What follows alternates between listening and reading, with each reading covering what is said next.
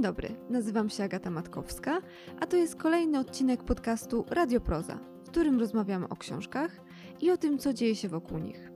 Dzisiaj chcielibyśmy zaprosić do wysłuchania rozmowy z Izabelą Janiszewską, autorką popularnych kryminałów, która odwiedziła klub Proza w czwartek 15 marca. O książkę Ludzie z mgły, ale też o powieści kryminalnych w ogóle pytał ją Waldek Mazur. Udanego słuchania.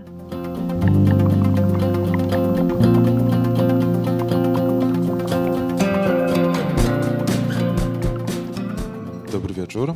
Ja się nazywam Waldek Mazur i dzisiaj będę miał okazję poprowadzić, okazję, przyjemność poprowadzić spotkanie z Izabelą Janiszewską, autorką książki Ludzie z mgły, tą oto pozycją, która ukazała się kilka dni temu, kilkanaście dni temu nakładem wydawnictwa Czwarta Strona. Dobry wieczór. Dobry wieczór Państwu. Bardzo się cieszę z tego wieczoru we Wrocławiu i jestem oszołomiona e, tak liczną Państwa obecnością, za co bardzo dziękuję i cieszę się na nasze spotkanie.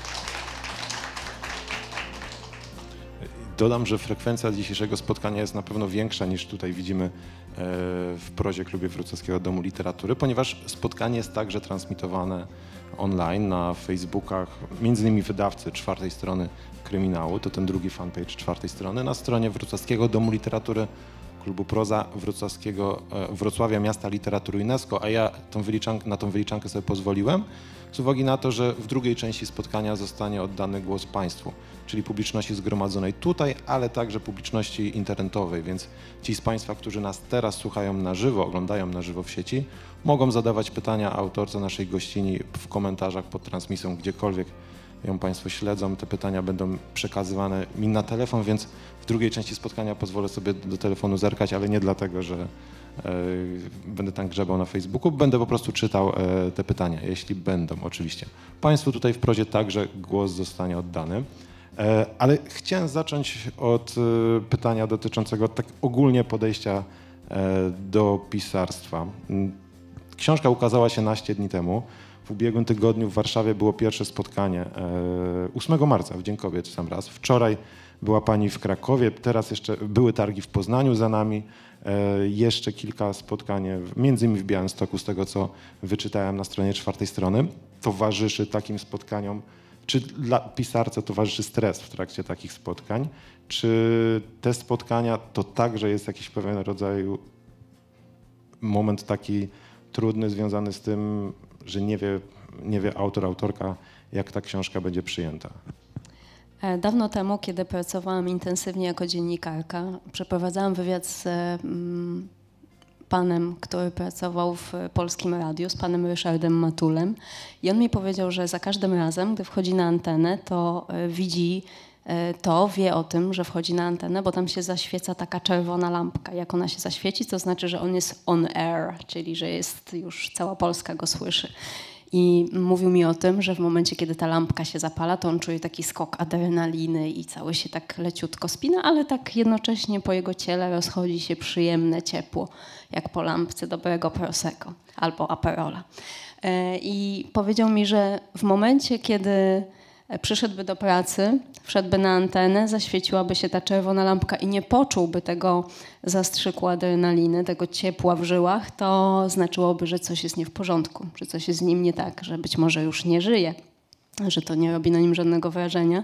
I dopóki jest to mobilizujące, a nie onieśmielające, e, to jest to ludzkie i normalne. Więc myślę, że to, co mi towarzyszy, to jest coś podobnego. Tylko podejrzewam, że to jest e, stres związany z wystąpieniem publicznym. Tak jak tutaj jesteśmy, to zawsze jest e, rzecz nerwowa. Różnie, różni ludzie sobie z tym radzą, ale w przypadku pisarzy, pisarek dochodzi jeszcze i inny aspekt, że jest się ocenianym także za tę rzecz. Tutaj mówimy o tej akurat e, konkretnej powieści.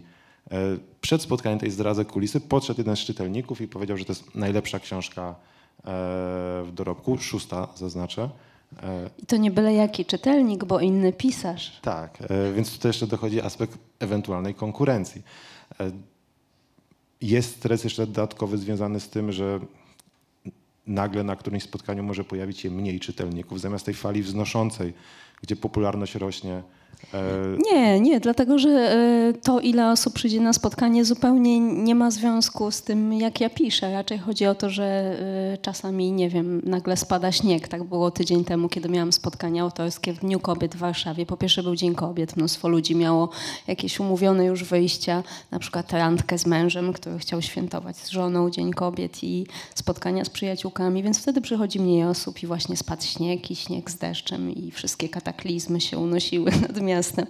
E, więc nie ma takiego stresu. Myślę, że e, ja staram się w życiu przejmować tym, na co mam wpływ. To, na co mam wpływ, to to, e, jak przygotowuję się do pisania swoich powieści, jak nad nimi pracuję, jak je redaguję później i to, co w nie wkładam.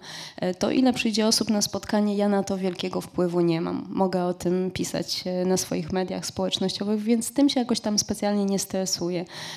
A patrząc na dzisiejszą tutaj liczną publiczność, myślę, że naprawdę nie ma czym.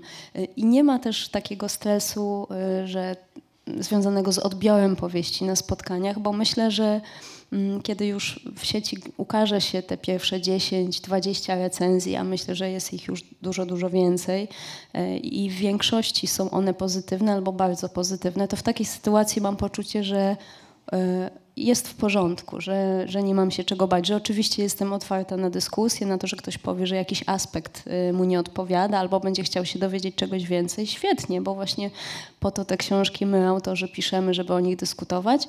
Natomiast nie jest to już na tym etapie stresujące.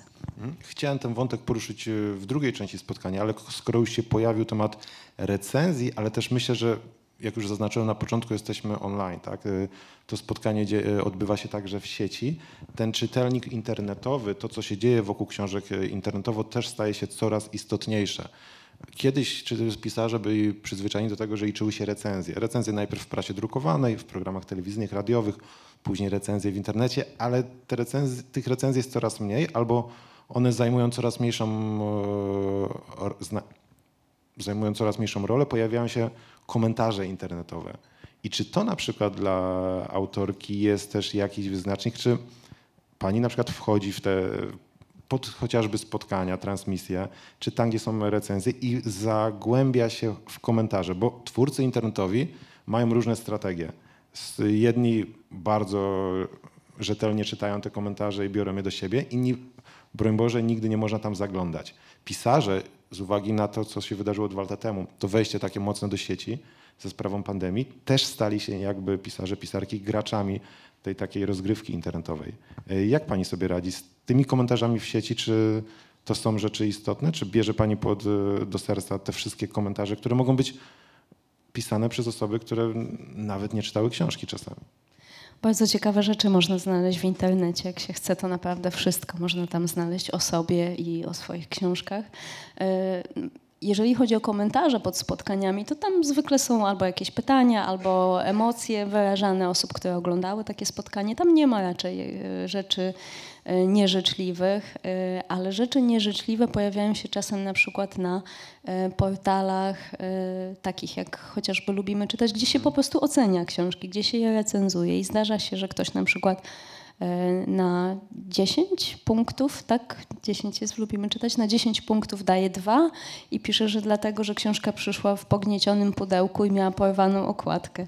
Albo na przykład, e, no jakby takie są różne powody tych recenzji, ale zdarza się, że ktoś e, bardziej rzeczowo uzasadnia swoje niezadowolenie, no i trzeba też z tym żyć. I rzeczywiście było tak, że ja przez pierwsze trzy książki chyba w ogóle nie zaglądałam na te e, recenzje, dlatego że obawiałam się, że jeżeli je wszystkie przeczytam i to tak ciągiem, to, e, to już być może się przewrócę i nie wstanę. I, I dopiero chyba po swojej czwartej książce dojrzałam do tego, że, że jestem już na tyle otrzaskana także z krytyką, że mogę się z tym zmierzyć, że mogę to zobaczyć. I wtedy usiadłam i przeczytałam recenzję wielu swoich książek. Różne ciekawe rzeczy tam znalazłam. E, ogólnie były one dobre, ale czasem właśnie pojawiali się jacyś bardzo niezadowoleni ludzie. Naj, najciekawszą chyba taką moją przygodą, mm, która pokazała mi, jak radzę sobie z krytyką, często właśnie z taką krytyką, myślę, że już nieuprawnioną i na granicy hejtu, e, było to, kiedy znalazłam profil e, internetowy poświęcony moim książkom tylko i Tylko i wyłącznie. wyłącznie? Tak, gdzie y, czytelniczka z wielkim zaangażowaniem wyjmowała zdania z kontekstu i y, właściwie z każdego zdania się naśmiewała. I dla mnie to był taki moment, że uznałam, że okej, że jakby są różni ludzie, że nie wszystkie książki są dla wszystkich, ale to jest już poza pewną granicą, że y, krytyka jest w porządku, ale, ale hejt już nie do końca. To jeszcze myślę, że taki internetowy stalking chyba zahacza. Pewnego rodzaju obsesja. Być może tak. Znaczy, ja myślę, że e, ludzie, którzy robią takie rzeczy, po prostu są nieszczęśliwi w życiu, bo jeżeli ktoś jest e, w stanie skłonny poświęcić e, ileś dni, godzin, żeby przedzierać się przez czyjeś książki, szukać cytatów i potem je komentować, to jest cała masa energii i uwagi poświęcona mojej osobie, więc w- w sumie mogłabym być wdzięczna, ale pytanie po co i dlaczego ten ktoś to robi? E, Pretekstem, powodem naszego spotkania jest e, ta oto książka Ludzie z mgły. E, Tytuł już wskazuje mniej, mniej więcej kto, też co jest jednym z Że bohaterów. są jacyś ludzie i jest mgła. że są ludzie i jest mgła. Pierwsze moje skojarzenie, jak zacząłem książkę, to dotyczyło Stephena Kinga, ale chyba tak dużo tego Kinga tutaj nie ma, ale w ogóle chyba powieści grozy tutaj nie uświadczymy, trochę spoilerując. Ale ta mgła, zacznijmy od mgły, która jest czytając wywiady, czytając komentarze na temat tej książki, tych osób, które już y, y, są po lekturze, są zachwyty. Są zachwyty dotyczące tego, jak ta mgła została wprowadzona do powieści, jak ta mgła jest przedstawiona, jak ta mgła staje się nawet, y, nie pamiętam już, czy to jest wywiad, czy to jest komentarz, który znalazłem w sieci, fragment wywiadu, gdzie osoba mówi, że nagle udało się uczynić z tej mgły bohatera. Bo naprawdę to jest e, mgła namacalna, mgła, którą gdzieś czujemy w trakcie lektury. Tak jak się e, rozumiemy niejako motywy niektórych bohaterów, tak czujemy też trochę obecność, e, rolę tej mgły. Kiedy to jest jakaś fobia związana z doświadczeniami, to jest fascynacja, bo mgła w horrorach, w powieściach kryminalnych gdzieś tam jest motywem częstym, ale tutaj ma wyjątkowo istotną rolę. I też wydaje się, że dużo energii i pracy zostało poświęconych temu, żeby tą mgłę tak bardzo mocno tutaj zaznaczyć. Ta mgła, y, chciałam, żeby ona była takim jednym z bohaterów. Chciałam, żeby rzeczywiście ona była taka osaczająca, otulająca, y, otaczająca, jak taki biały, gęsty kokon utkany wokół bohaterów. I naprawdę zależało mi na tym, żeby ci y, bohaterowie, a niejako później też czytelnicy, żeby poczuli ten chłód mgły, tę wilgoć y, na karku, y, żeby mogli też gdzieś się zagubić w tej bieli. Mm, Nie wiąże się to z żadną moją fobią, bo nie mam fobii związanej z mgłą. E, Ta pierwsza myśl o, o ludziach z mgły przyszła, e, kiedy jechałam samochodem e, przez Podlasie. Był późny wieczór, e, ciemno, a nad łąkami właśnie wisiała taka biała zasłona.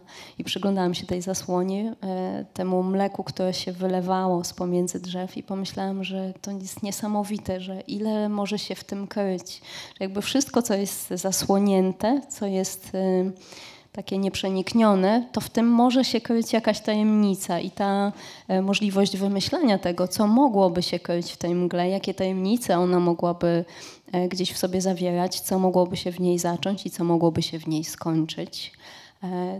E, prowadziły do tego, że im dłużej o tym myślałam, tym, tym bardziej jakoś wyobrażałam sobie tę książkę. Właśnie wtedy też patrzyłam na tę mgłę i, i sobie zauważyłam takie oczyma wyobraźni sylwetki ludzkiej. Pomyślałam sobie, że tacy ludzie mogliby wyjść z mgły i kim oni by byli. Padło z, nazwisko King, którym się tutaj posłużyłem, który nas kieruje w stronę horrorów. Mgła ma taki potencjał e, właśnie trochę magiczny, trochę fantastyczny. E, ja miałem takie wrażenie na początku lektury, że ta książka mocno skręci w stronę prawie że fantastyki, że tam pojawi się ten element e, nadprzyrodzony. E, Były takie pomysły na początku, żeby żeby wykorzystać tą mgłę na, na całego, tak? Tą mgłę, z której wychodzą Nie, nie, nie było Może nie potwory, ale te pomysłów. rzeczy takie, których nie będzie trzeba logicznie uzasadnić.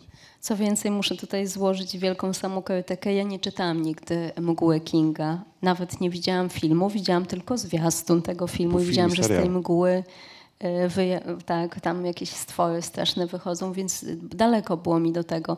E, To jest trochę tak, jak ja też piszę w książce, że według mnie to nie mgły należy się bać, e, bo to jest tylko zjawisko atmosferyczne. To, czego można i powinniśmy się bać, to ludzie. To po prostu źli ludzie albo nieszczęśliwi ludzie, którzy stają się źli.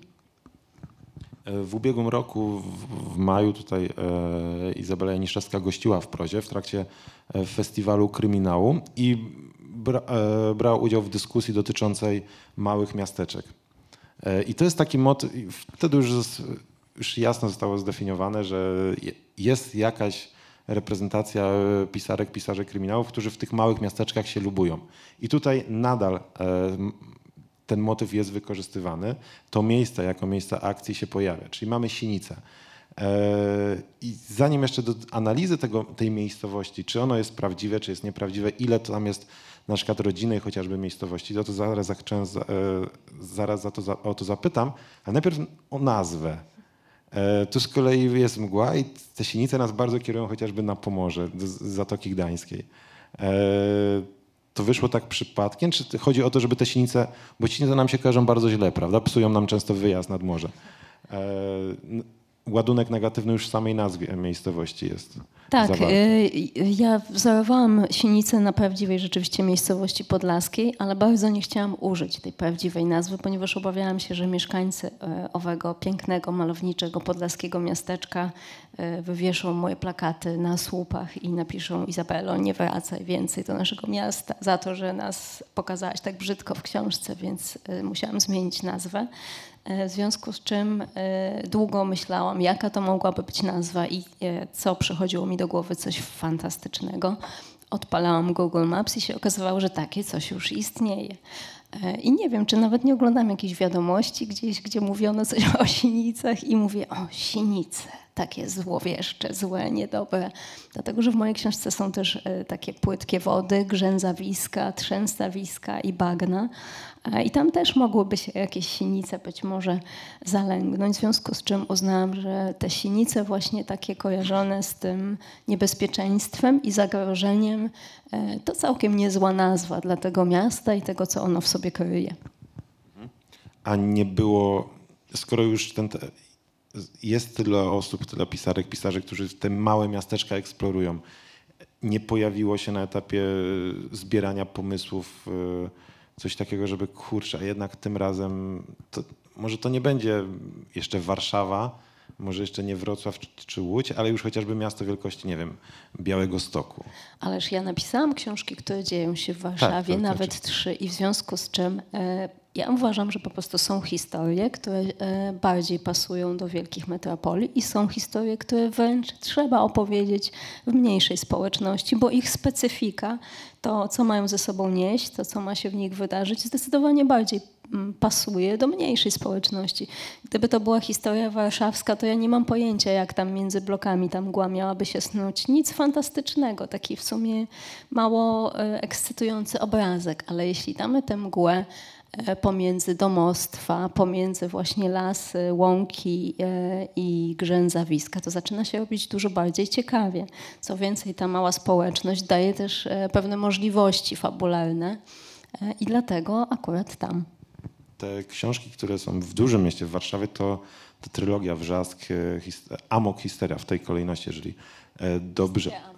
Historia Amok, tak, e, jeżeli dobrze pamiętam. Tutaj Amok też się kojarzy z książką pewną, która ma jakieś tam wrocławskie e, konotacje, ale to nie jest ten tytuł. Autor tamtej książki e, skończył źle. Miejmy ale nadzieję, co, że co mnie to takiego nie jest, spotka. tak, Co takiego jest w tych małych miejscowościach, czego nie można znaleźć na przykład w, w stolicy w Warszawie czy we Wrocławiu? Bo wydawać by się mogło, że tak samo mogą być lokalne małe społeczności, e, tak samo mogą tajemnice, a wręcz można to wszystko jeszcze schować e, w wielkiej masie, jaką jest e, ta wielka metropolia.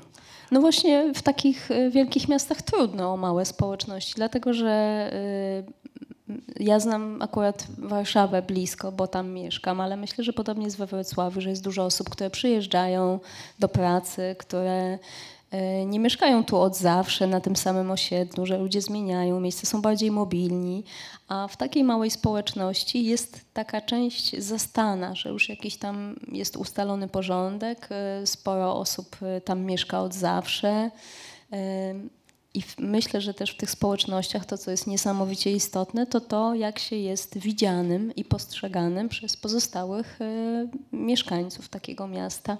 I ludzie są skłonni zrobić wiele, żeby być szanowani, lubiani, y, czasami świadomie, czasami nieświadomie, ale ta potrzeba bycia akceptowanym y, w takiej społeczności często pcha do różnych no, niewyobrażalnych wręcz decyzji i działań. A nie powinno się wydawać, to znaczy takie są trochę stereotypy, że te małe miejscowości to są te takie miejsca bezpieczne. E, tutaj Sińce temu bardzo przeczą, ale mogłoby się wydawać, że jeżeli słyszymy opowieści o tym, że ktoś nie zamyka domów na noc, e, mieszkania, to to są raczej mieszkańcy tych małych, tak, mieszkańcy tych mniejszych miejscowości. Mogą być takie stereotypy czasami krążą, że tam ludzie czują się bezpieczniejsi, decydują się na wyjazd z miasta, bo pojawiają się dzieci i nie chcą, żeby te dzieci gdzieś tu wpadły po tramwaj, a w tej małej miejscowości będą mogły bezpiecznie wyjść na ulicę i bawić się z rówieśnikami. I właśnie dlatego, kiedy w takim e, sielskim środowisku wydarza się coś e, bulwersującego, czyli na przykład ktoś zostaje zamordowany albo ktoś ginie, na wszystkich pada strach i niepokój i przerażenie, bo właśnie nikt się tego nie spodziewa. I przyglądanie się temu zjawisku, co się dzieje z takim e, pięknym obrazem, jak on e, traci kolory, jak kruszeje pod wpływem tego wstrząsu, jest fascynujące do opisania. Stąd myślę, że dużo ciekawiej jest właśnie przyglądać się temu w małym miasteczku. A nie ma obawy pisarz, pisarka, że w takim momencie łatwo jest przesadzić, przeszarżować, bo jednak liczba y, zabójstw, okropieństw, porwań, uprowadzeń, zaginięć w małej miejscowości ma dużo mniejszy potencjał niż, jeżeli chodzi, chcemy zachować wiarygodność niż w dużym mieście. Jeżeli w małej miejscowości nagle zaczyna ktoś ginąć co parę miesięcy, naście miesięcy, jak trochę tutaj, to trzeba bar dużo bardziej się postarać, żeby to było wiarygodne. Jeżeli no, we Wrocławiu nie, oni giną tam w ciągu to... 10 e, lat, e, więc tak, okay. i to są raptem cztery osoby. Mhm. A proszę spojrzeć na przykład na książki Kamili Legberry i e, Fialbekę, gdzie Kamila śmiała się, że ona już zabiła wszystkich mhm. mieszkańców Fialbeki, że niebawem nie będzie już miała kogo mordować w swoich książkach. Bo wszyscy tak, ale chodzi mi o to, czy to nie stawia przed pisarzem, pisarką większego wyzwania, że trzeba trochę bardziej się natrudzić, żeby to wszystko było wiarygodne i żeby czytelnik w którymś momencie właśnie nie powiedział, przecież kurde, tam wszyscy już nie żyją. Ja mam ci, wrażenie, że każda książka, jest, każda książka wymaga tego, żeby się przy niej natrudzić i nie czułam, żebym trudziła się przy tej bardziej niż przy innych, dlatego że naprawdę e, przy każdej daję z siebie wszystko, żeby tę historię opowiedzieć jak najlepiej, bo na tym mi zależy. E, I starałam się pokazać to tak, żeby to było wiarygodne, więc mam nadzieję, że takie dla czytelników będzie.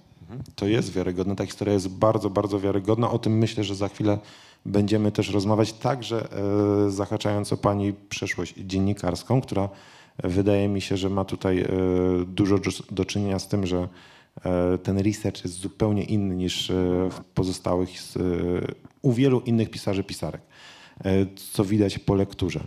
Ale chciałem zahaczyć o bohaterów najpierw. Y, jest taki rozczulający moment y, z Pani spotkania w Warszawie, w którym momencie Pani mówi o jednym z, powiedzmy, z głównych bohaterów, e, komisarzu Krzysztofie Lipskim.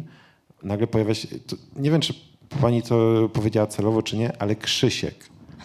E, bohater, który ma spore problemy. Dla tych Państwa, którzy nie czytali, jeszcze nie będę tutaj e, wyjawiał dlaczego, ale jest spore też podejrzenie na początku, że to jest osoba e, niewarta zaufania i sympatii. E, a tu nagle jest Krzysiek. Skąd taki związek emocjonalny z bohaterem? Bo rozumiem, że to zdrobnienie. Jeszcze wróciłem do lektu książki, sobie e, przekartkowałem, tam jest Krzysztof zawsze. Tak, dlatego że ja o tych bohaterach i proszę nie wzywać tutaj żadnej opieki medycznej z kaftanem. Ja naprawdę myślę o tych bohaterach jako o prawdziwych ludziach. Ja oczywiście wiem, że oni nie istnieją. E, natomiast jak e, sobie ich wyobrażam, kiedy piszę, e, kiedy gdzieś tam w myślach buduję ich biografię, staram się sobie wyobrazić, w jakim domu dorastali, z, z kim się przyjaźnili, jak wyglądała ich młodość, e, czy studiowali, czy nie, jak e, spędzali wolny czas, czy byli typem introwertyka, a może ekstrawertyka i szaleli na imprezach i koncertach. I staram się tych bohaterów zobaczyć z wielu perspektyw, nie tylko z tej, którą widać w książce, bo ta, którą widać w książce, często pozwala mi ukryć to, co ja wiem o tej osobie i, i co jest gdzieś tam jej takim prawdziwym wnętrzem.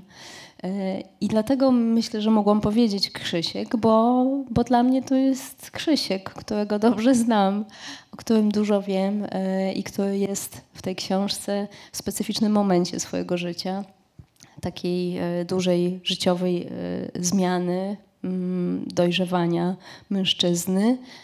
I to powoduje, że podejmuję czasem bardzo nieracjonalne decyzje. Staram się mówić enigmatycznie, żeby tutaj nie zdradzać zbyt wiele, a jego decyzje prowadzą do wielu kłopotów. No, zastanawia mnie to użycie słowa dojrzewania mężczyzny u faceta po 40. To by źle, źle świadczyło chyba o nas. Tak, nie będziemy tutaj też zdradzać, co się u niego dzieje, ale rzeczywiście też robi rzeczy bardzo głupie, ale jednocześnie mega wiarygodne w tym momencie, w którym on jest, w tym stanie emocjonalnym, w którym się znalazł. Mimo, że powinien zachować się bardzo racjonalnie, chociażby z uwagi na swój jakiś taki bagaż doświadczeń, umiejętności po policyjnych, detektywistycznych, tak to sobie nazwijmy.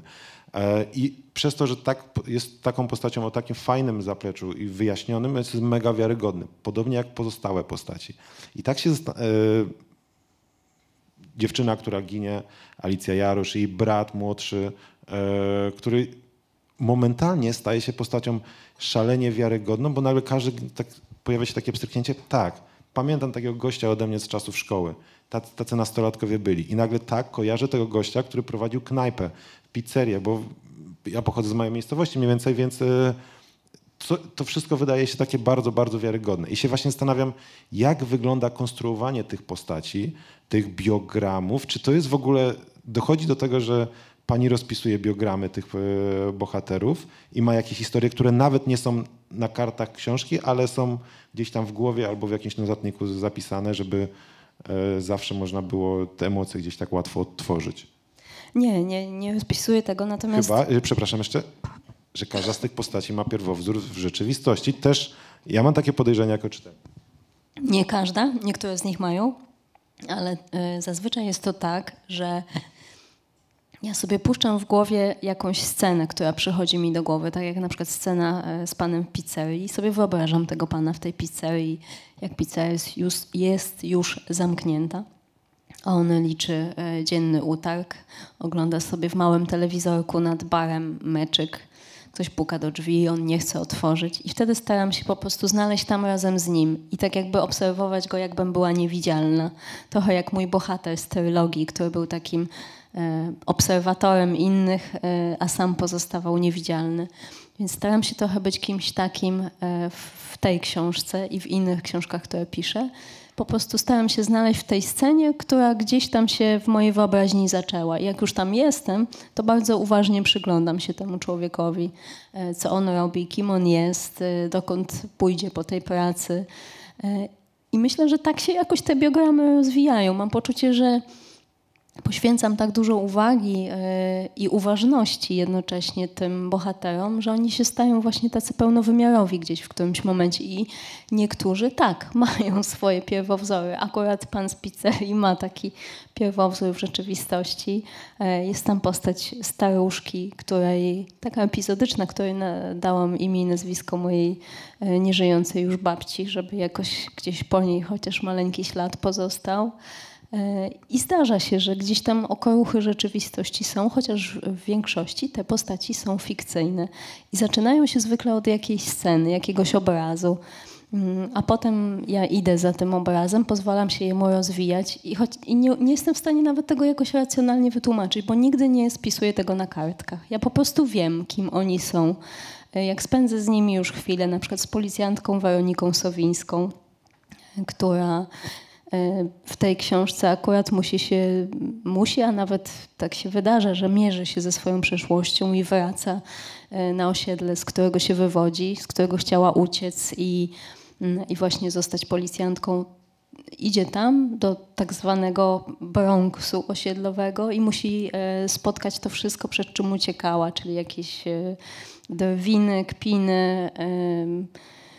No i radzi sobie z tym, więc jak ja widzę ją w tej sytuacji, to wtedy jestem tam z nią, czuję to, co ona, widzę to, co ona i wtedy mogę dużo lepiej ją zrozumieć i opisać. Ten Bronx, który tu pada, to jest też takie, taki element, który bardzo sprawia, że dużo osób pochodzących z takich miejscowości może się utożsamiać. Ja pamiętam miasta, które gdzieś tam są mi bliskie i tam, gdzie były te osiedla, takie typowe osiedla powiedzmy lat 90., które po dziś się ostały, ale jak blokowiska były wyższe, nazywano je Manhattanami, jak były niższe, nazywano je Bronxami. I to jest w kilku miejscowościach znajomych też popytałem, to, e, to się bardzo powtarza. Takie dbanie o szczegół, które jest bardzo istotne, też e, pojawia się chociażby w takich niuansach. E, padł mot, historia tego właściciela pizzerii, który ogląda mecz. To jest mecz Ktoś myśli, Liga Hiszpańska leci. W pierwszej kolejności przypomnieliśmy Real Barcelona. Nie. Tam gra Atletico z Villarreal.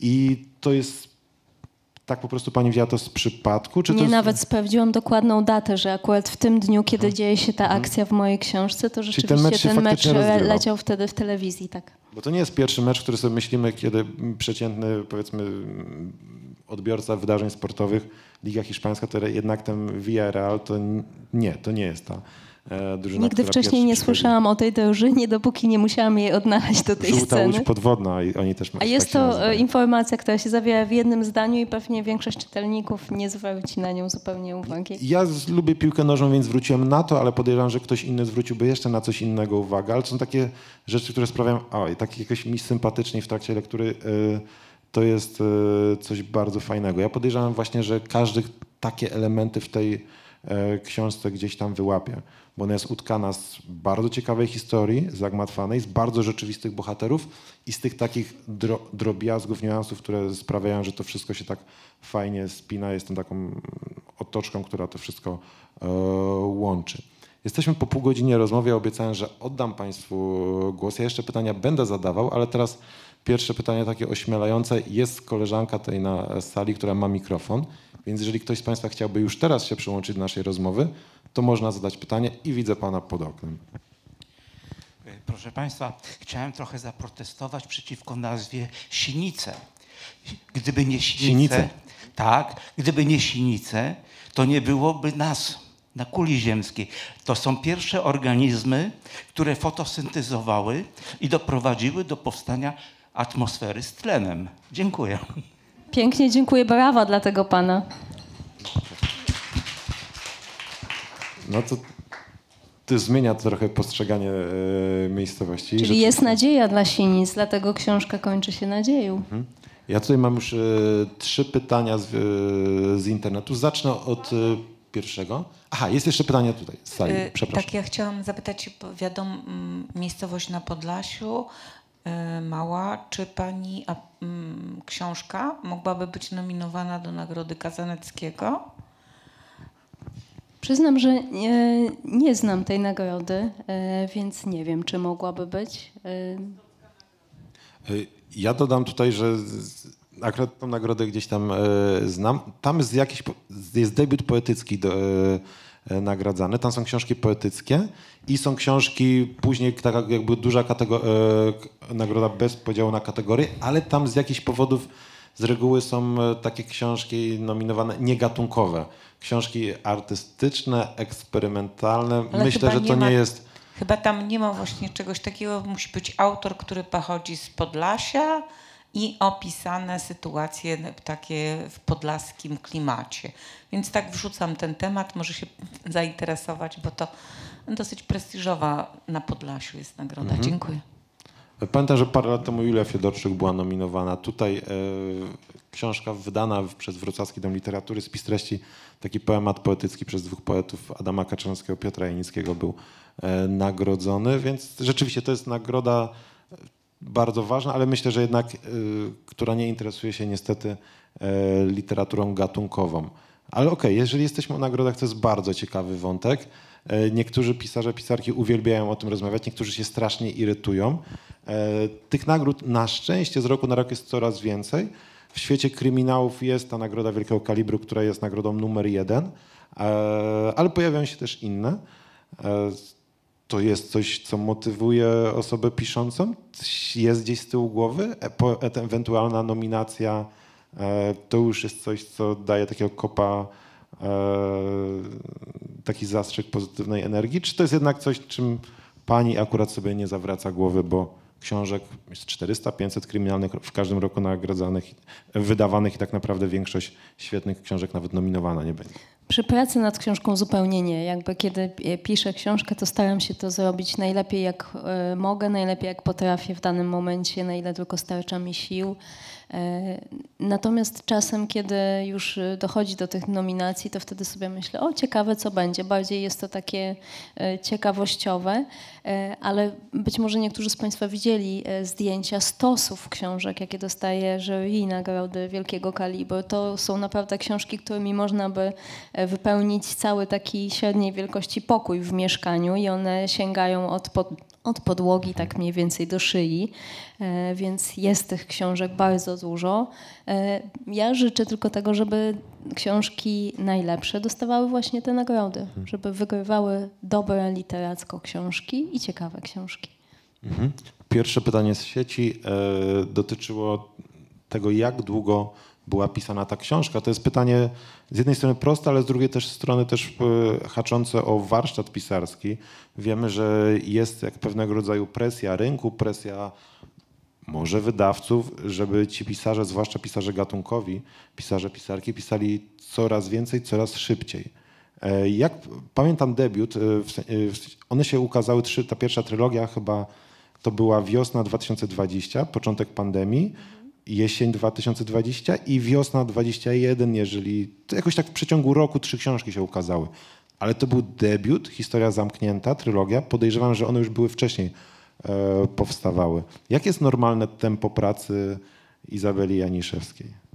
Normalne tempo jest takie, że e, samo wymyślenie tematu na nową książkę e, zajmuje mi dużo czasu, najczęściej najwięcej, dlatego że e, to, co robię zwykle na początku, to zastanawiam się nad tym, o czym ja właściwie chcę opowiedzieć, co chcę opowiedzieć swoją historią. I ten sens, istota tej opowieści, to jest to, co jest dla mnie najważniejsze, co jest na samym początku.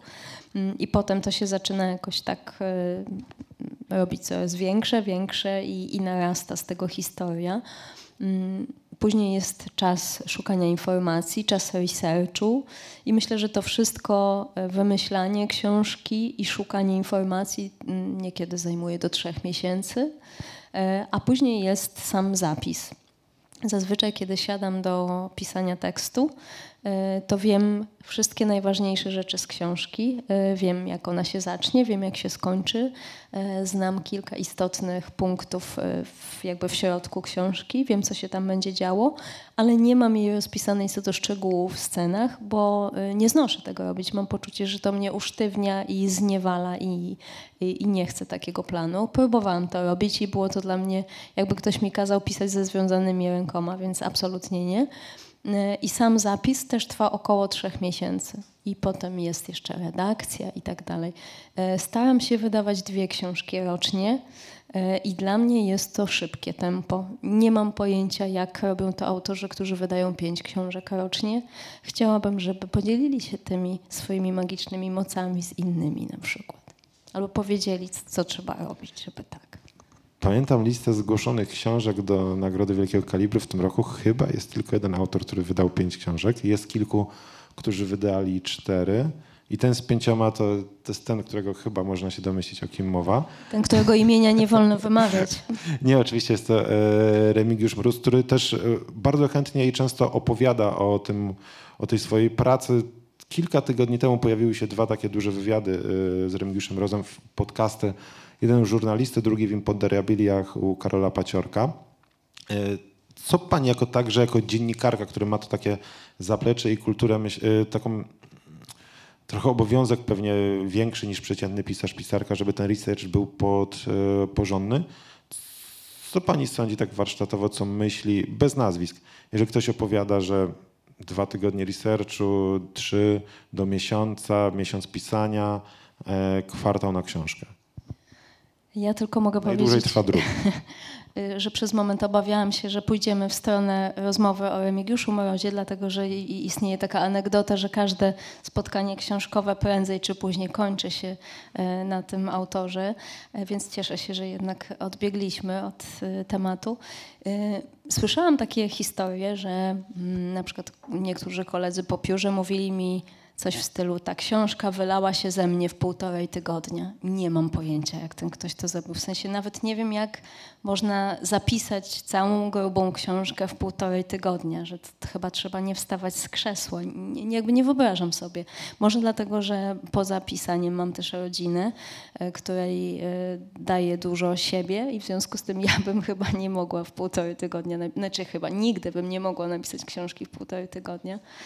E, Co sądzę? No, Uważam, że nie są to książki najwyższych lotów, że jeżeli książka jest pisana e, w dwa tygodnie, a czasem nawet w miesiąc, to trzeba być naprawdę geniuszem, żeby tę książkę napisać świetnie.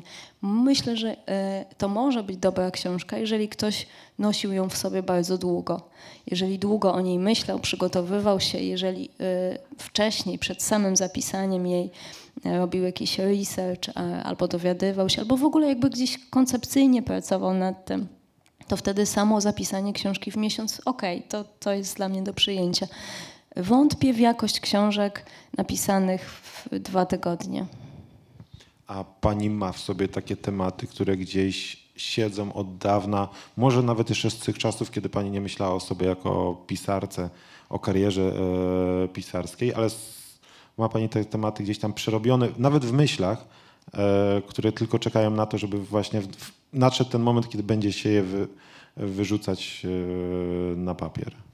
E, Ja się śmieję, że ja w sumie od, od zawsze chciałam być opowiadaczką historii, więc może nie wiedziałam, że będę pisać, e, ale już e, jako mała dziewczynka opowiadałam niestworzone historie. Na przykład jedna taka z moich ulubionych o tym, jak to zaatakował mnie wściekły pies i ugryzł mnie w oko, którą sprzedawałam za każdym razem, gdy ktoś mnie pytał, dlaczego nosisz okulary.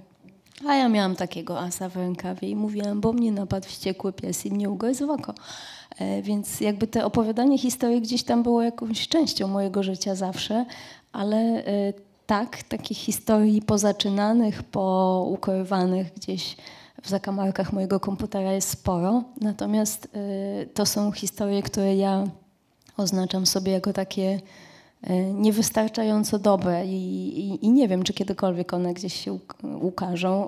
Niekoniecznie, ale jest e, dużo tematów, dużo wątków e, związanych na przykład z książkami, które czytałam, albo z wydarzeniami, które jakoś mną wstrząsnęły, które pamiętam, nawet jeśli działy się 20 lat temu. E, I być może to kiedyś znajdzie odzw- odzwierciedlenie w książkach. Najczęściej to są jakieś tematy związane właśnie z relacjami, tematy społeczne, tego typu. Zerkam znowu w stronę publiczności tutaj w klubie Proza. Czy ktoś chciałby zadać pytanie? Okej, e, na razie w tym momencie nie ma. Chciałem się zapytać o początek tej powieści, e, o motyw przewodni, czyli zaginięcie. Mamy e, Alicję Jarosz, nastolatkę, studentkę medycyny. To nie jest spoiler, to są pierwsze strony dosłownie książki. Znika, z, zaginęła. To jest taki, często się u pani właśnie pojawia ten motyw zaginięcia. I są autorzy, którzy rozpoczynają od trupa. Tutaj tego trupa e, nie ma, jest osoba, która zaginęła. Na początku nie wiemy jeszcze, czy się odnajdzie, czy się nie odnajdzie. A jeżeli się odnajdzie, to e, w jakim stanie. Co jest takiego w tych zaginięciach, e, że tak one panie, panią fascynują? I ile ma z tym wspólnego Wojciech Tochman? I tym ktokolwiek widział, ktokolwiek wie, może niektórzy z Państwa pamiętają, Wojciech Tochman, e, Mariusz Szczygieł prowadził na każdy temat, Wojciech Tochman w telewizji prowadził, ci wielcy reportażyści, e, program e, Ktokolwiek widział, ktokolwiek wie. To są lata 90. To może przejdę do, do tego chyba meritum, skoro już nazwisko Wojciecha Tochmana zostało wywołane do tablicy. E, rzeczywiście jedną z takich iskier zapalnych do napisania tej książki była prawdziwa historia. Historia, którą przeczytałam gdzieś na etapie liceum. E, był to reportaż Wojciecha Tochmana. To był reportaż, który jeszcze w formie prasowej, czy on już wydał się? Najpierw był w, był w formie tak. prasowej, a Później potem został wydany w zbiorze Wściekły Pies pod nazwiskiem Wojciecha Tochmana. I w tym reportażu on opisywał historię człowieka, który powstał z torów. Był to mężczyzna, który ponad 20 lat temu obudził się przy torowisku. Miał na sobie skórzaną kurtkę, koszulę w karate, a z jego głowy płynęła krew. On y, dotknął y, swojej twarzy, zobaczył, że ma zakrwawione ręce nie wiedział, e, gdzie jest. Mm, dzisiaj, kiedy patrzy wstecz, nie jest w stanie powiedzieć, czy wtedy była zima, czy lato, e, czy widział drzewa, czy widział chmury. To wszystko gdzieś się w nim zatarło, ale pamięta, że poszedł wzdłuż torów, bo miał jakieś takie irracjonalne przeczucie, że jeżeli będzie szedł wzdłuż torów, to gdzieś dotrze w końcu. No i dotarł na dworzec centralny poszedł do łazienki, żeby się umyć, spojrzał w lustro i przeraził się bardzo, bo zobaczył jakiegoś obcego faceta. Po chwili zdał sobie sprawę, że to on, że to on sam e, i nie rozpoznaje swojej twarzy. I tak zaczęła się ta przygoda. E, ów mężczyzna bez, bez tożsamości e, błąkał się, stał się bezdomny. Trwało to wiele miesięcy, może wiele lat. Nikt nie potrafi tego określić. On sam już nie potrafi tego określić. E, do czasu, kiedy e, pewni górale zatrudnili go u siebie jako pracownika na budowie. E, pomagał, był takim panem przynieś, wynieś, pozamiataj, służył wsparciem i pewnego dnia właśnie jego szef powiedział, słuchaj, wiesz co, jest taka fundacja i taka. Fundacja i taka wtedy istniała od trzech lat i powiedział do niego, zadzwoń tam, może ci pomogą, żebyś mógł zrozumieć, kim jesteś. I on rzeczywiście zadzwonił. Mm, taki student, który dyżurował przy telefonie wtedy w Itace, odebrał telefon i usłyszał dokładnie takie zdanie: Dzień dobry, nie wiem kim jestem. E, I od tego wszystko się zaczęło. E, zaczęto szukać przeszłości tego mężczyzny. E, jego zdjęcie, jego twarz pojawiła się na okładce dużego formatu, właśnie razem z reportażem Wojciecha Tochmana. Później pojawił się w programie ktokolwiek widział, ktokolwiek wie. Na tamte czasy pamiętam, że kilkumilionowa publiczność oglądała ten program. Było kilka takich programów w telewizji. Wspomniałem ten talk show na, w Polsacie mm, Mariusza Szczygła, było 997, które miało też gigantyczną, mm, kilkumilionową publiczność i właśnie yy, ktokolwiek widział, ktokolwiek wie. I zazwyczaj było tak, że jeżeli ktoś o nieustalonej tożsamości pojawiał się w takim programie, to jak to się mawia kolokwialnie, no nie ma opcji, żeby nie został rozpoznany przez e, widzów, przynajmniej przez, nie wiem, sąsiadkę, e, panią z e, obuwniczego, panią z mięsnego, panią z piekarni, jakąś osobę z otoczenia, nauczycielkę z podstawówki albo kogokolwiek. A ten mężczyzna nie został rozpoznany. Pamiętam, że w tamtych czasach też cała Warszawa była oklejona jego plakatami. Absolutnie nikt go nie rozpoznał. W którymś momencie odkryli, że on świetnie sobie radzi jako kierowca autobusu. E, i sprawdzono e, całe zakłady autobusowe, wypytywano wszystkich pracowników, czy kiedykolwiek ktoś taki gdzieś był zatrudniony, nie. E, I myślę, że to jest chyba największym fenomenem tej historii, to że od tych ponad 20 lat nie zgłosiła się żadna osoba, która pomogłaby go zidentyfikować. Bo oczywiście e, zgłosili się tacy ludzie, którzy mówili, a wiem, on grał w serialu Zmiennicy, albo e, a to jest e, wujek mojej koleżanki, ale to oczywiście wszystko były fałszywe tropy, sprawdzane rzeczywiście subtelnie przez policję. No i ten mężczyzna był też tak mocno przebadany przez psychologów, neurologów e, pod kątem tego, co mogło się stać, że on tej pamięci nie odzyskał. E, I do dzisiaj nie wiadomo, kim jest. Jest takim ewenementem, e, w, jeśli chodzi o utratę pamięci. Można powiedzieć, że jest człowiekiem duchem. Przyjął sądownie, sam sobie wymyślił imię i nazwisko, nazwał siebie Janem Wojciechem na cześć Tochmana Manem. E, roku urodzenia także sobie wymyślił. Dał wtedy sobie, że się urodził w 60 roku, bo uznał, że wtedy później pójdzie na emeryturę i jeszcze dłużej będzie mógł pracować. i nadal żyje, funkcjonuje, ale nie wie kim jest, nie wie kim był i tak naprawdę nie wie, czy chciałby wiedzieć. Nie znaleziono go w żadnych bazach osób poszukiwanych, to znaczy, że nikt nie zgłosił jego zaginięcia nigdy. Nie znaleziono go w żadnych bazach e, osób e, ściganych za jakieś przestępstwa. Więc być może nie był przestępcą, ale kim w takim razie był? I on e, sam mówi, że nie wie, czy chciałby wiedzieć, że są takie dni, że bardzo by chciał, a są takie, że bardzo się boi tego, co mógłby tam znaleźć. I ta historia towarzyszyła pani przez ponad 20 lat, e, żeby znaleźć w końcu zwieńczenie na kartach e, ludzi z mgły. Zastanawiam się, ile takich historii właśnie jeszcze jest zaciągniętych E, zaczerpniętych z innych dzieł literackich, z literatury faktu, non-fiction, które czekają na to, żeby je wykorzystać. Też to, co jest, uderza bardzo w trakcie, szukając, szukając materiałów, na, przygotowując się do tego spotkania, trochę wywiadów e, musiałem poczytać, posłuchać. Wydaje mi się, że pani zainteresowania są trochę inne niż przeciętnego, przeciętnej e, autorki kryminałów. Jeżeli chodzi Czyta pani w ogóle kryminały? Koleżanek, koleżank, kolegów po czytam, fachu? Czytam, natomiast y, przyznaję, że zanim zaczęłam pisać kryminały, to nie czytałam ich zbyt wiele. Teraz czytam więcej po to, żeby rozumieć, mieć pojęcie na temat e, tego, jak piszą inni, żeby móc dyskutować o tych książkach, żeby mieć swoje zdanie, bo nie pozwalam sobie, tak jak są tacy, którzy sobie pozwalają, ale nie pozwalam sobie mieć zdania na jakiś temat, jeśli nie znam e, tej książki, nie wypowiadam się o niej, więc czytam e, też po to, by obserwować warsztat innych autorów, by się czegoś nauczyć, albo by się nauczyć, czego nie robić, więc tak. Natomiast Wcześniej czytałam głównie y, literaturę piękną, reportaż. Y, te gatunki były mi bliższe. Kryminału było zdecydowanie mniej. Pamiętam, że dawno, dawno temu kryminały, które pierwsze tak naprawdę mnie wciągnęły, to był kryminał skandynawski i Stieg Larsson wtedy. A można połączyć. Y, Larsson to jest dobry przykład. Myślę, że Norweg UNESCO też jest takim przykładem osoby, który, autorów, którzy piszą kryminały z jednej strony strasznie rozrywkowe, jeżeli chodzi o formę, które można czytać na tym takim poziomie pierwszym, y, totalnie rozrywkowym, gdzie zagłębiamy się w historii i czerpiemy z tego frajdę, ale mają też to takie drugie podłoże, które u pani też się jeszcze, już przebija, ale które jeszcze nie jest tak silnie eksploatowane, czyli te takie sprawy społeczne problemy społeczne. Nesbo chyba jest najlepszy, jeżeli o to chodzi, chociaż możliwe, że jest e, jeszcze ktoś inny, który lepiej to praktykuje.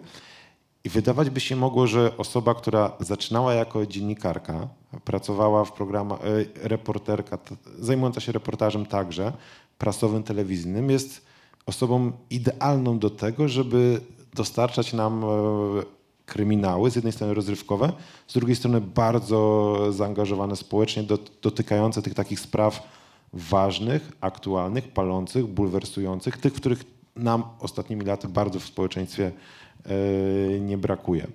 E, pojawia się u Pani takie chęć, żeby to zacząć łączyć? E, myślę, że ona już jest, nawet e, w ludziach z mgły jest e, w tle. Są, są jak bardzo... najbardziej, ale to jeszcze nie na takim poziomie jak na przykład UNESCO, który opowiada o jakimś takim rasizmie, o dyskryminacjach, o takich problemach totalnie społecznych to można czytać jako reportaż czasami. Mam poczucie, że po prostu każdy autor robi to w, na swój sposób. E, ja w Ludziach z mgły poruszam ważny temat, którego nie możemy tu myślę nazwać, bo byłby to zbyt duży spoiler, spoiler. ale e, jest to co najmniej jedna trzecia książki poświęcona temu tematowi i jest on głównym kluczem do rozwiązania, ale też w swoich poprzednich książkach, czy to w trylogii, E, czy w książce Niewybaczalne. Zawsze gdzieś za każdym razem dotykam ważnych społecznie tematów, na przykład e, chociażby tego, czy wszystko można wybaczyć i jak wina jest przyznawana czasem społecznie, niekoniecznie jest winą fizyczną, albo na przykład moja bohaterka trylogii Larysa Luboń, dziennikarka, jest osobą, która staje w obronie osób, które same w swoim imieniu przemówić nie mogą, w obronie kobiet, dzieci i tam też jest dużo właśnie o przemocy emocjonalnej, o wykorzystywaniu. Więc są te tematy jak najbardziej aktualne.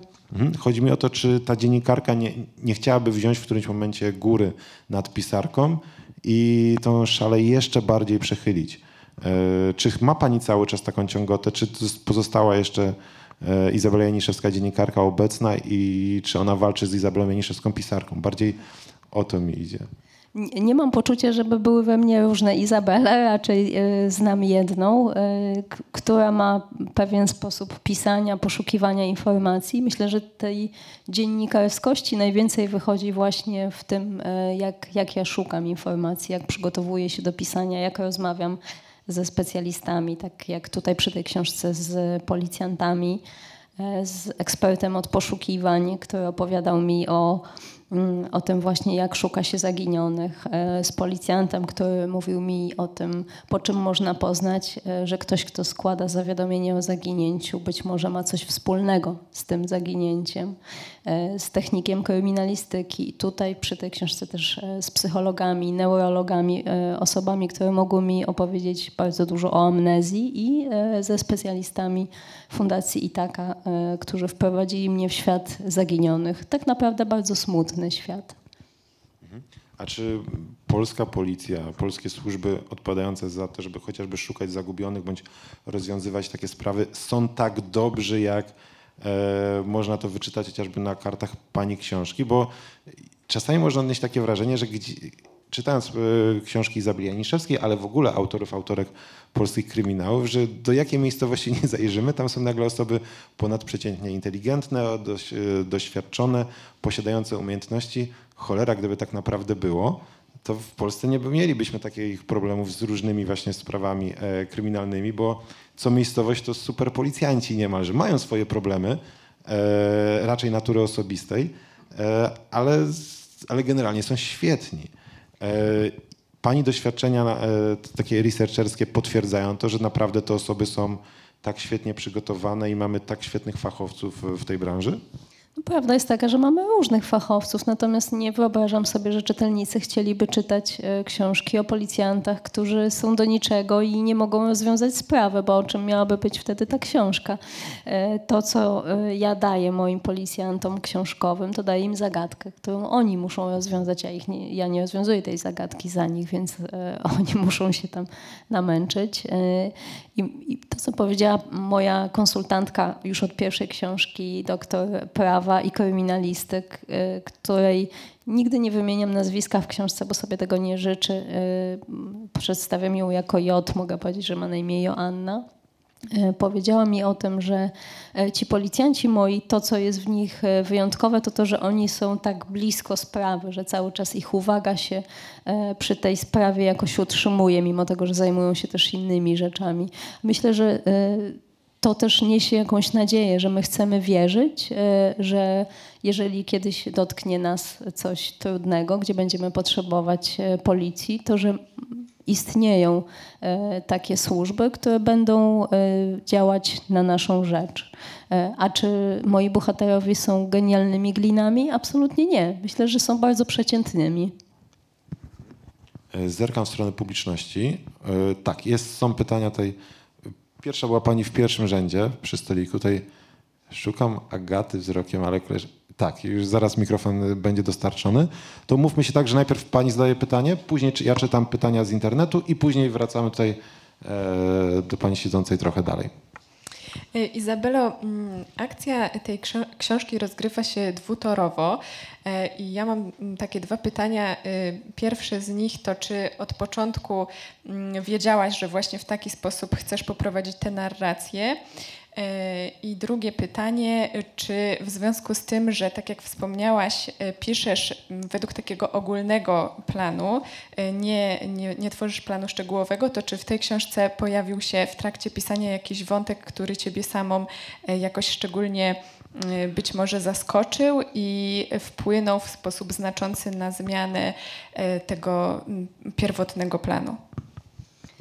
E, rzeczywiście e, ta książka toczy się dwutorowo. Jest e, to, co dzieje się teraz i to, co dzieje się dwa miesiące wcześniej.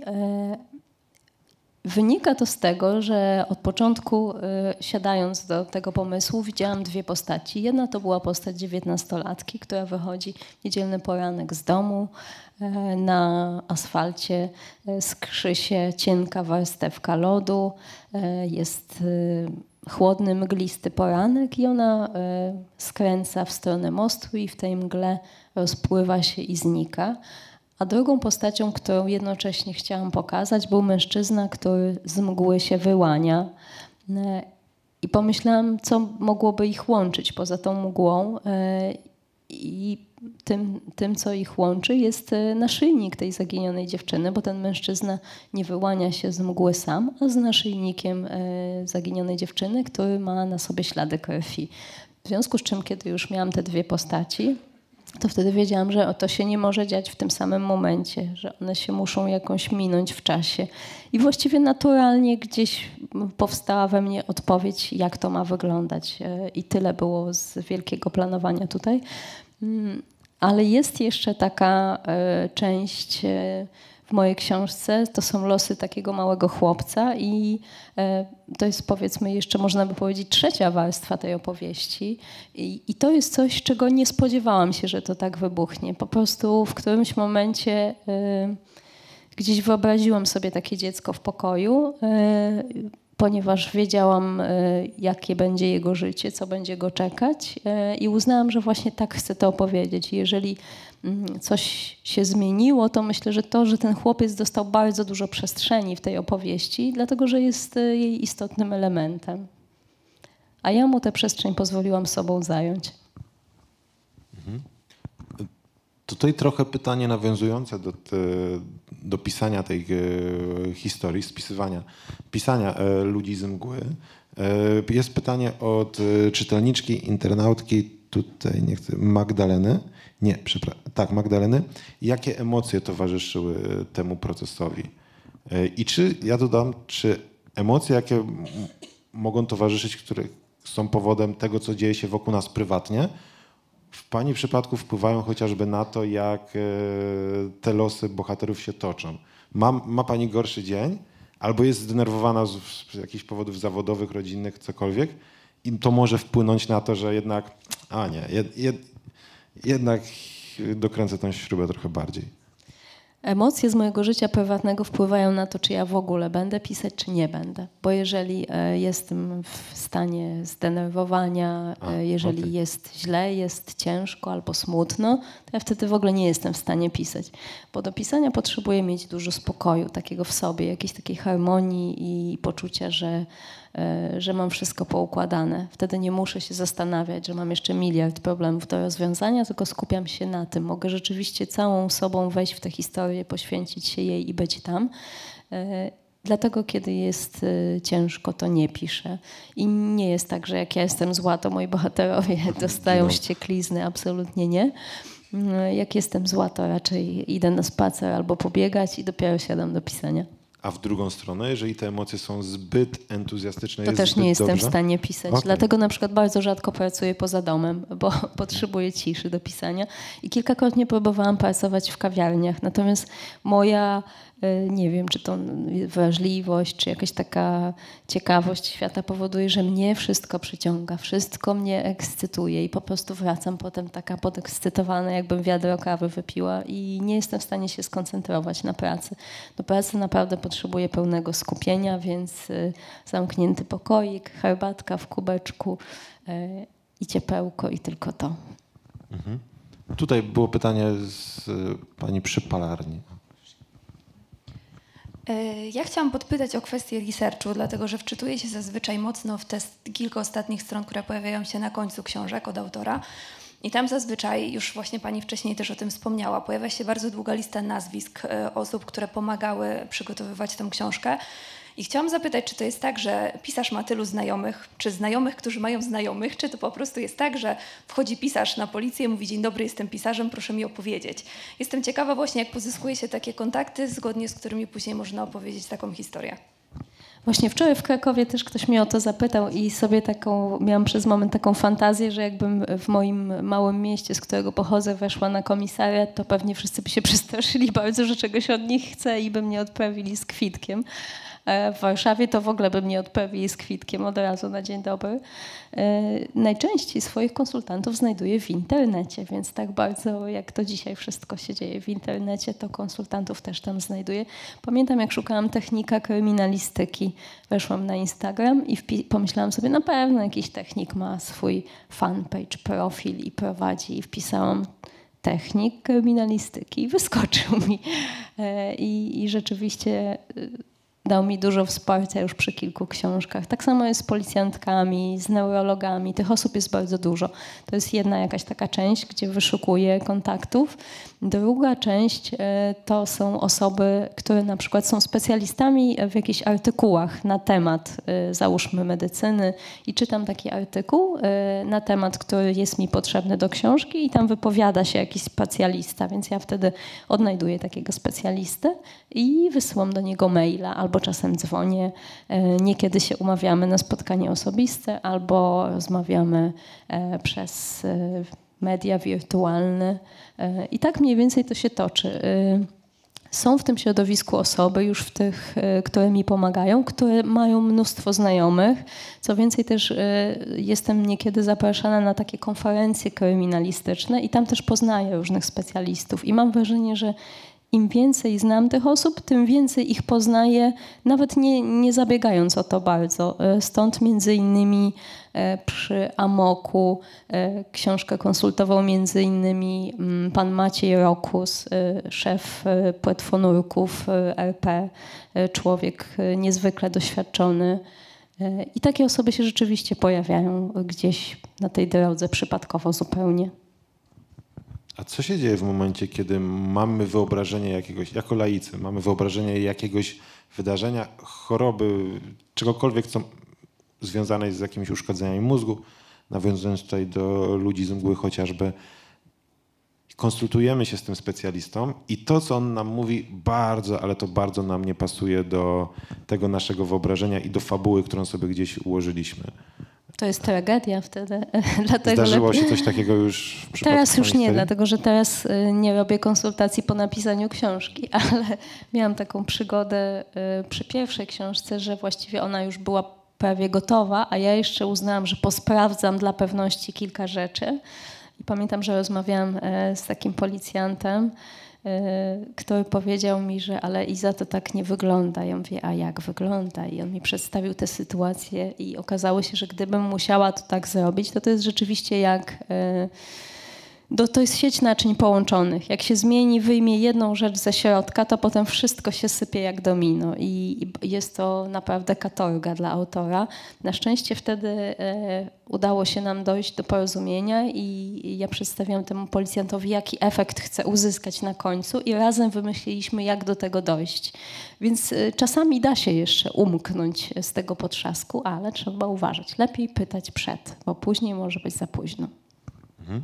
Pani Katarzyna e, w sieci pyta o najtrudniejszy moment w pracy, w pisaniu nad tą książką. E, zastanawiam się, czy można nad, o tym opowiedzieć, e, nie spoilerując fabuły, bo są tam takie ważne momenty, istotne momenty, które mogą trochę zdradzić, ale były takie zakręty ostre w przypadku układania tej historii, które sprawiały, że ta praca się zatrzymała. Czy to z powodów na jakiś ciężar problemu, który się poruszało, czy może jeszcze inne czynniki?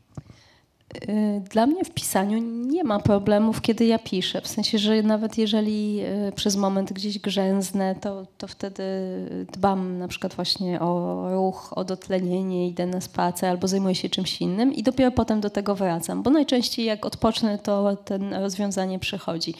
Więc samo pisanie nie jest problemem. Najtrudniejszym według mnie w pisaniu jest ten moment, kiedy książka trafia w ręce czytelników i kiedy dostaje się informację, czy, czy ta książka trafiła może niekoniecznie w gusta, bo wiadomo, że gusta mamy różne, ale czy w ogóle ma jakiś sens dla osób czytających? Y, czy to nie jest tak, że tylko ja sobie ją wymyśliłam i, i uważam, że y, ma znaczenie i że jest istotna, tylko czy jeszcze poza mną do kogoś innego trafi? Oczywiście wcześniej czytają ją inne osoby, bo czytają wydawca, czytają ją czytelnicy testowi, czytają ją redaktorzy, ale mimo wszystko myślę, że najbardziej stresujący moment to jest ten moment, zanim pojawią się pierwsze recenzje.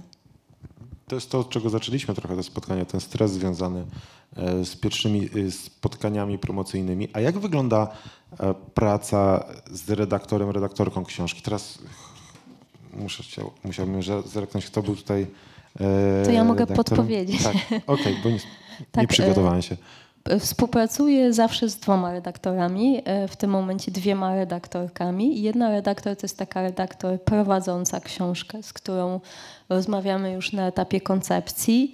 E, I jest to pierwsza redaktorka, która czyta książkę, a później drugą redaktorką jest taka redaktorka tak zwana językowa.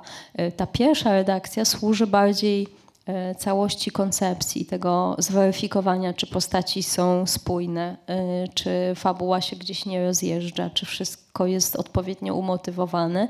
Jest to takie pole do dyskusji e, o, utworze, o książce. Druga redakcja, właśnie z redaktorką językową tutaj, e, służy temu, e, żeby precyzyjnie przyjrzeć się tekstowi. Na przykład, jeżeli e, zbyt dużo e, różnych takich mimicznych gestów. Pojawia się, na przykład zbyt dużo uniesień brwi i wzruszeń ramion. Pojawia się w jednej e, części, w jednym rozdziale gdzieś blisko obok siebie, no to trzeba tam umiejętnie pozamieniać te reakcje mimiczne, żeby nie było tak, że książka jest jednym wielkim festiwalem unoszących się brwi, bo byłoby to wręcz komiczne. E, Wtedy wszystkie znikają powtórzenia, wtedy sprawdzamy też bardzo dokładnie wszystkie fakty, daty, na przykład kiedy e, był mecz e, wspomniany. Atletico Villarreal. Dokładnie tak. I jakby wszystkie takie szczegóły gdzieś tam są brane jeszcze raz pod lupę, wszystkie sformułowania i wtedy ten tekst jest szlifowany jak diament. A dostrzega Pani zmianę w tej pracy, na patrząc na ludzi z mgły i wrzask chociażby, dużo łatwiej ten proces teraz przebiega, kiedy już jest Pani po sześciu książkach. Podejrzewam, że językowo na pewno cały czas gdzieś tam warsztat e, można ulepszać, jeżeli, ale jeżeli chodzi o tworzenie historii, składanie tej fabuły, bo rozumiem, że ta redaktor prowadząca trochę na tym polega też konsultacja z nią, że, ta, że wydawca chce, żeby ta historia była jak najbardziej zachęcająca czytelnika, jak naj, mająca Czy jak wydawca y, dostaje już gotową historię, więc jakby on jej nie tworzy, ona jest stworzona już przeze mnie, możemy o niej dyskutować, czy wszystko Mhm. jest y, na pewno okej w niej, y, ale to, co dostrzegam... Czyli co... pomysłu nie ma najpierw e, do wydawcy. Nie, nie, nie. Pomysł jest mój. To są naprawdę mo moje książki i nikt nie wpływa na ich wygląd. E, Ale to, co się zmieniło rzeczywiście od pierwszej do szóstej książki, to jest to, że pamiętam e, mój e, ówczesny pierwszy redaktor Adrian Tomczyk, który w tym momencie już e, zmienił wydawcę, ale e, kiedy dostałam pierwszego takiego maila z poprawkami do tekstu, e, do wrzasku, e, i przeczytałam to i miałam taki, taką myśl, i po co mi to było w ogóle? Bez sensu, ja tego nigdy nie zrobię, muszę teraz pół książki wyrzucić. Oczywiście to była tylko, e, mówił mój lęk i strach, bo tak naprawdę wcale nie musiałam tego zrobić, ale że był taki moment wtedy, że miałam ochotę trzasnąć tym laptopem o ścianę. I pomyślałam sobie, nie, dobra, nie, to nie ma sensu. Wyszłam z domu i właśnie łaziłam wokół bloku. E, Jak uznałam, że już e, prze, przeszło, że najgorsze emocje odpłynęły, to wtedy wróciłam i jeszcze raz przeczytałam te uwagi i nagle mi się okazało, że one nie są takie wcale straszne, że to są e, w połowa to są jakieś drobiazgi. Kilka rzeczy to w sumie już nawet wiem, jak to zmienić, żeby to miało sens. E, Ale wtedy mm, było to dla mnie dużym przeżyciem. W tym momencie, jak e, dostaję takie uwagi, to podchodzę do tego od razu e, jak do zadania. W sensie, że widzę w tym wyzwanie, myślę sobie, ok, jak ewentualnie mogę to wykombinować, ale też zadaję sobie pytanie, co ja o tym myślę. Czy to na pewno ma sens, taka zmiana, czy nie ma sensu. I też często na przykład uważam, że moja historia wymaga innego rozwiązania i robię to taki sposób, jaki jest dla historii najlepszy. Zerkam znowu w stronę publiczności, bo tak powolutku, powolutku nasz czas dobiega końca, więc to są ostatnie momenty, żeby zadać pytanie naszej autorce.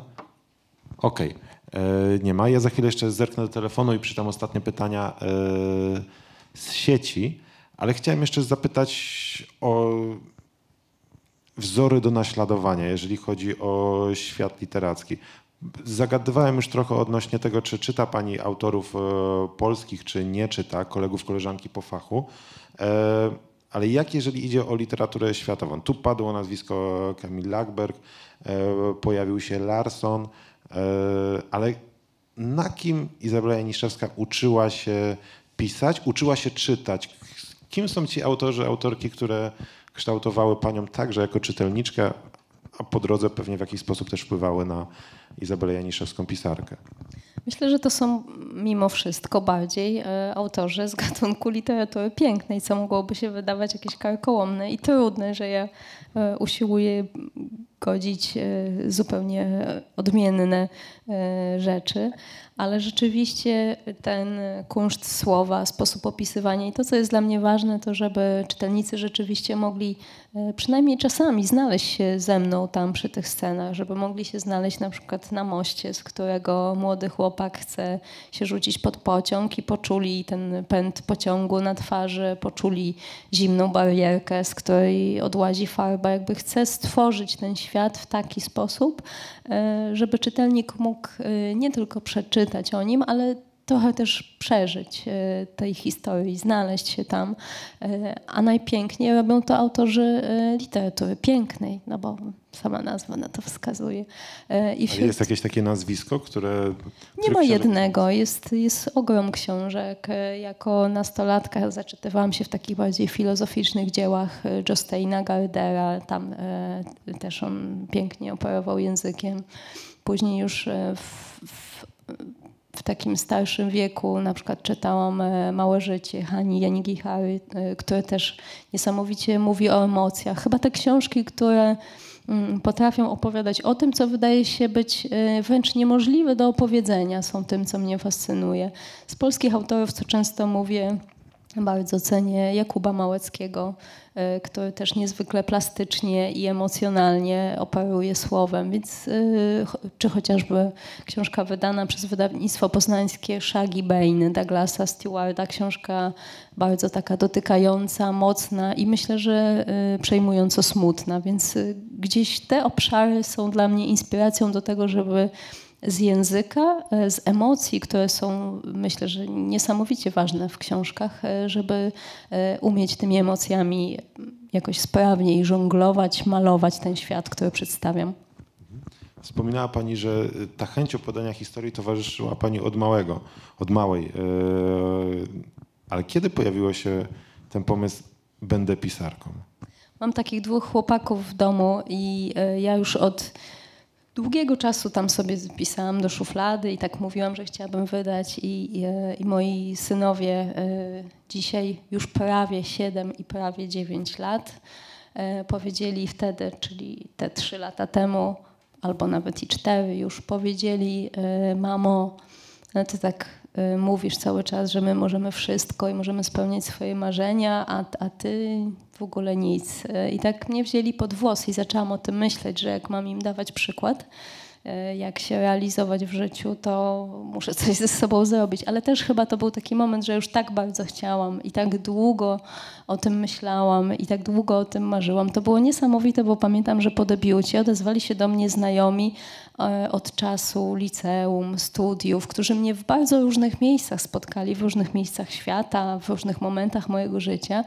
I oni mi przypomnieli, że kiedy znali mnie już wtedy, czasem przez e, dzień, czasem przez kilka dni, przy jakichś okolicznościach, że ja już wtedy im mówiłam, że ja chcę pisać książki. Ja nie byłam świadoma, że ten sygnał tak wysyłałam do świata nieustająco i wszyscy gratulowali, że w końcu to zrobiłam. Więc e, myślę, że ja bardzo długo do tego dojrzewałam, żeby po prostu pozwolić sobie to zrobić i przyznać sobie to prawo, że ja też mogę. I dziś mogę powiedzieć, że nie żałuję, że dotarłam do tego momentu, że byłam już gotowa i cieszę się, że, że pozwoliłam sobie też zmierzyć się z tym strachem, który był, bo to jest najtrudniejszy moment, kiedy się debiutuje. Debiut Izabeli Janiszewskiej też przypada na taki specyficzny moment. Nam to się wydaje sześć książek wstecz, tutaj opowieść, kiedy się zaczynało, ale to tak naprawdę chwila temu. 2020 rok, niespełna 2,5 roku minęło, ale też pamiętajmy, że 2020 był ten, to był okres lockdownu, pandemia. Tak, tak. To i to było tak, to pomogło, może to dziwacznie brzmi, ale tamte okoliczności pomogły, jeżeli chodzi o zaistnienie z e, pisarce, zaistnienie z książką. Były takie teorie wówczas krążyły, że ludzie nie mają co robić, więc będą siedzieć w domu i więcej czytać, bo nie mogą iść do pracy, nie mogą iść do kina i tak dalej. Czy jednak e, był ten mom- towarzyszył moment, że cholera gorzej trafić nie mogło? Właśnie nie wiem dokładnie, czy to pomogło, czy nie pomogło, ale rzeczywiście było tak, że e, pamiętam, że planowaliśmy z wydawcą, co, co to my nie zrobimy, jakie spotkania wspaniałe i tyle fantastycznych rzeczy będzie się działo, a tu nagle lockdown. I e, moje debiutanckie spotkanie premierowe prowadził ze mną Bartosz Szczygielski, który też e, dawał mi rekomendacje na okładkę wrzasku. E, I ja znałam wtedy Bartosza e, głównie z jego jakichś wypowiedzi internetowych.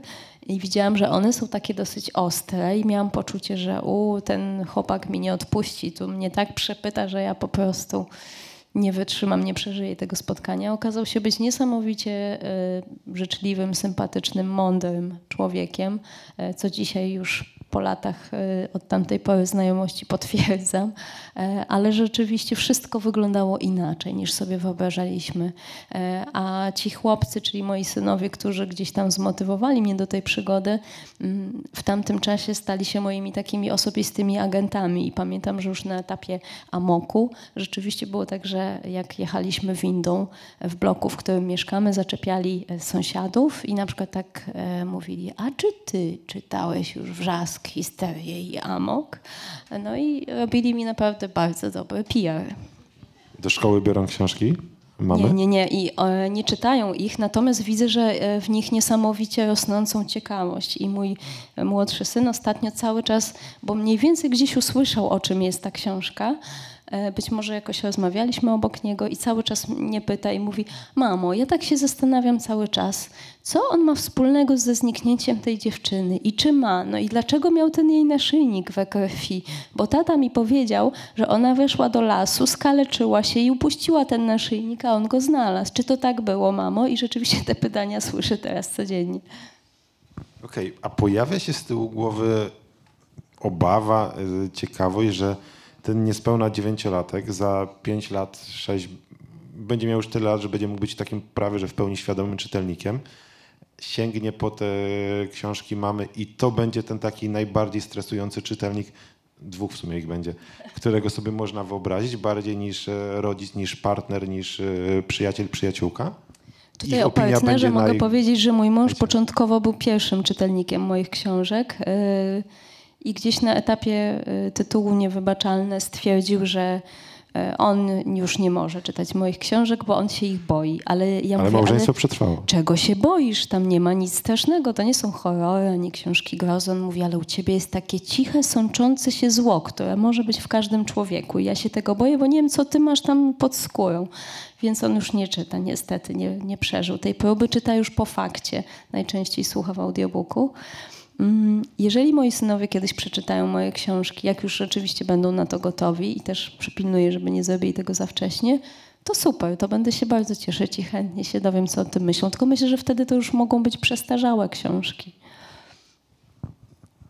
Zastanawiam się, chyba, chyba to są uniwersalne historie i chyba jednak te małe miejscowości aż tak bardzo się nie zmieniają. Piję tu do tych e, trzech ostatnich. A to sączące się zło, to myślę, że to świetnie tutaj ma emanację w postaci tej mgły, która jest właśnie czymś takim, e, co trochę tego zła, no sporo tego zła, tej obawy przed złem e, zawiera. Obiecałem e, Ostatnie pytanie z internetu. Jeszcze raz zerkam, czy jest pytanie z sali. Nie, nie ma. Za chwilkę autorka zostanie oddana do Państwa dyspozycji. Internauci pytają jeszcze o jedną rzecz, mianowicie, czy jest książka, którą pisało się najgorzej? Może nie najgorzej, ale takie największe, Najtrudniej. największe wyzwanie miałam e, przy okazji histerii, ale nie ze względu na to, jaka to była książka. To jest drugi tom trylogii. E, Tam dotykam e, tematu przemocy psychicznej, emocjonalnej wobec dzieci. Bardzo ciężki i bogaty research wykonałam do tego tematu. Natomiast to, co było wyzwaniem, było to, że w momencie, kiedy oddawałam książkę do redakcji, kiedy już właściwie miałam ją oddać do redakcji, przeczytałam ją i stwierdziłam, że nie gra mi to, jak są emocje rozłożone, jak jest rozłożone napięcie e, i że muszę to zmienić. I wtedy dokonałam drastycznej decyzji. usunęłam jedną trzecią książki i napisałam ją od nowa, bardzo dużo zmieniając. E, I to myślę, że było takie e, duże, duże, ogromne wyzwanie wtedy dla mnie. I, ale w momencie, kiedy to zrobiłam, poczułam, że okej, to jest to, że jestem teraz na właściwych torach. Ja w ogóle w pisaniu e, bardzo dużo e, polegam na czuciu, na intuicji, na intelekcie również, ale mam poczucie, że to niekiedy dużo bardziej gdzieś e, właśnie intuicyjnie czuję, że jest w porządku, e, niż e, kalkuluję jakoś w Excelu. I to była decyzja samodzielna, bez konsultacji z redaktorką. Tak, bo to moja książka. Mhm. Pytam się, bo niektórzy autorzy podkreślają, że oni wręcz trochę jakby pisali w duetach, że ci redaktorzy tam bardzo, bardzo mocno pozwalają na to. E, Różne są strategie, żeby ci redaktorzy tam e, nawet e, rzeczy fabularne zmieniali. To jeszcze jedno pytanie ode mnie, które tak mi się teraz pojawiło. Festiwal kryminału, który tutaj się pojawiał, jemu towarzyszą warsztaty. Na tych warsztatach, na te warsztaty są zapraszani pisarze, pisarki i się zastanawiam, czy ta metoda pisarska, o której pani opowiada, która w dużym stopniu opiera się na intuicji, nie jest tak bardzo planowana. To nie jest to, co Katarzyna Bonda spisała w swojej e, maszynie do pisania. E, czy pani by się czuła e, na siłach, żeby takie warsztaty prowadzić, czy jednak tam jest tyle trochę spontaniczności i tego nieplanowania tego typu rzeczy, że jednak nie, to nie jest metoda, którą można przekazać w trakcie warsztatów. Czyli Myślę, że y, wiele rzeczy można tak czy siak ubrać w jakąś metodę i mam wrażenie, że to, czego początkujący pisarze dużo bardziej potrzebują niż tego, żeby ktoś im mówił zacznij od tego, postać buduj tak, y, jest przede wszystkim to, żeby uwierzyli w siebie i żeby zaufali y, swojemu głosowi, swoim pomysłom, bo y, myślę, że to, co jest jakimś przekleństwem czasami e, debiutujących autorów jest e, kopiowanie czegoś, co już, co już jest. A myślę, że e, sukces jest możliwy tylko wtedy, gdy autor rzeczywiście odważy się przemówić własnym głosem i mówi o tym, co go głęboko pasjonuje, co go pociąga, dlatego że wtedy tę prawdę widać w książce i chce się to czytać, że to jest właśnie niesamowicie pasjonujące, więc, więc myślę, że to, czego ja chciałabym uczyć autorów, to właśnie e, to, jak pozwolić sobie na to, żeby się mniej bać, e, zaufać sobie, e, a pisanie jest dużo według mnie mniejszą tutaj trudnością. Myślę, że to jest dla osób, które mają ambicje, chcą rozpocząć swoją przygodę, to jest bardzo optymistyczny przekaz. Ja Państwu bardzo, bardzo dziękuję tutaj za obecność, za pojawienie się. Za chwilę, jak już powiedziałem, autorka tu z nami zostaje, będzie myślę, że z, z radością podpisywać książki, składać dedykacje, także rozmawiać. E, dziękujemy wydawnictwu, wydawnictwu Czwarta Strona Kryminału, które jest głównym sprawcą tego wydarzenia. I przypominamy, że wszystkie książki e, Izabeli Janiszewskiej można między innymi na stronie e, czwartej strony kryminału e, znaleźć, kupić. W księgarni wydaje W nam się. księgarni także, w stacjonarnych, e, w wielu miejscach tak naprawdę e, w naszym kraju. Ja bardzo, bardzo dziękuję e, za obecność, bardzo dziękuję autorce za ten czas poświęcony i za rozmowę. Dziękuję Państwu.